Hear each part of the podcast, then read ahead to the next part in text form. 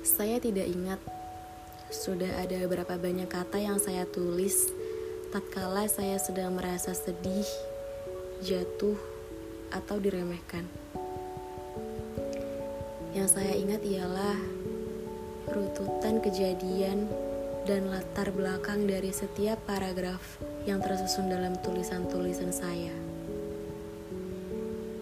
Memoarnya selalu dengan mudah muncul dan secara rinci terbayangkan. Tentu saja, saat menuliskan rasanya begitu sakit. Tetapi ketika membacanya kembali di lain hari, rupanya perasaan itu sudah membaik. Bahkan jauh lebih baik dan cenderung telah memaafkan. Mengingat proses ini, saya jadi ingat sebuah teori psikologi bahwa emosi, perasaan memang sudah selayaknya perlu divalidasi. Dengan kata-kata dalam tulisan, atau bisa juga dengan doa-doa dalam lisan. Setelah validasi, baru kita identifikasi penyebab-penyebabnya.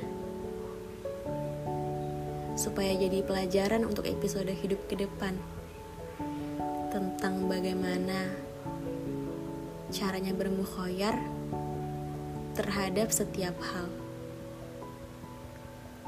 Memvalidasi ini juga jadi pertanda bahwa segala rasa datangnya dari Sang Maha Pemilik hati. Betapa kaya ya.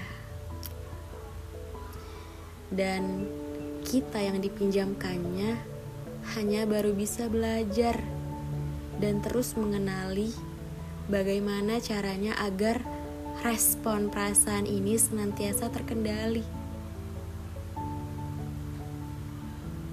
Jangan, jangan validasi dengan dilampiaskan kepada orang lain. Benda mati, apalagi diri sendiri. Jangan pula dipendam atau ditolak.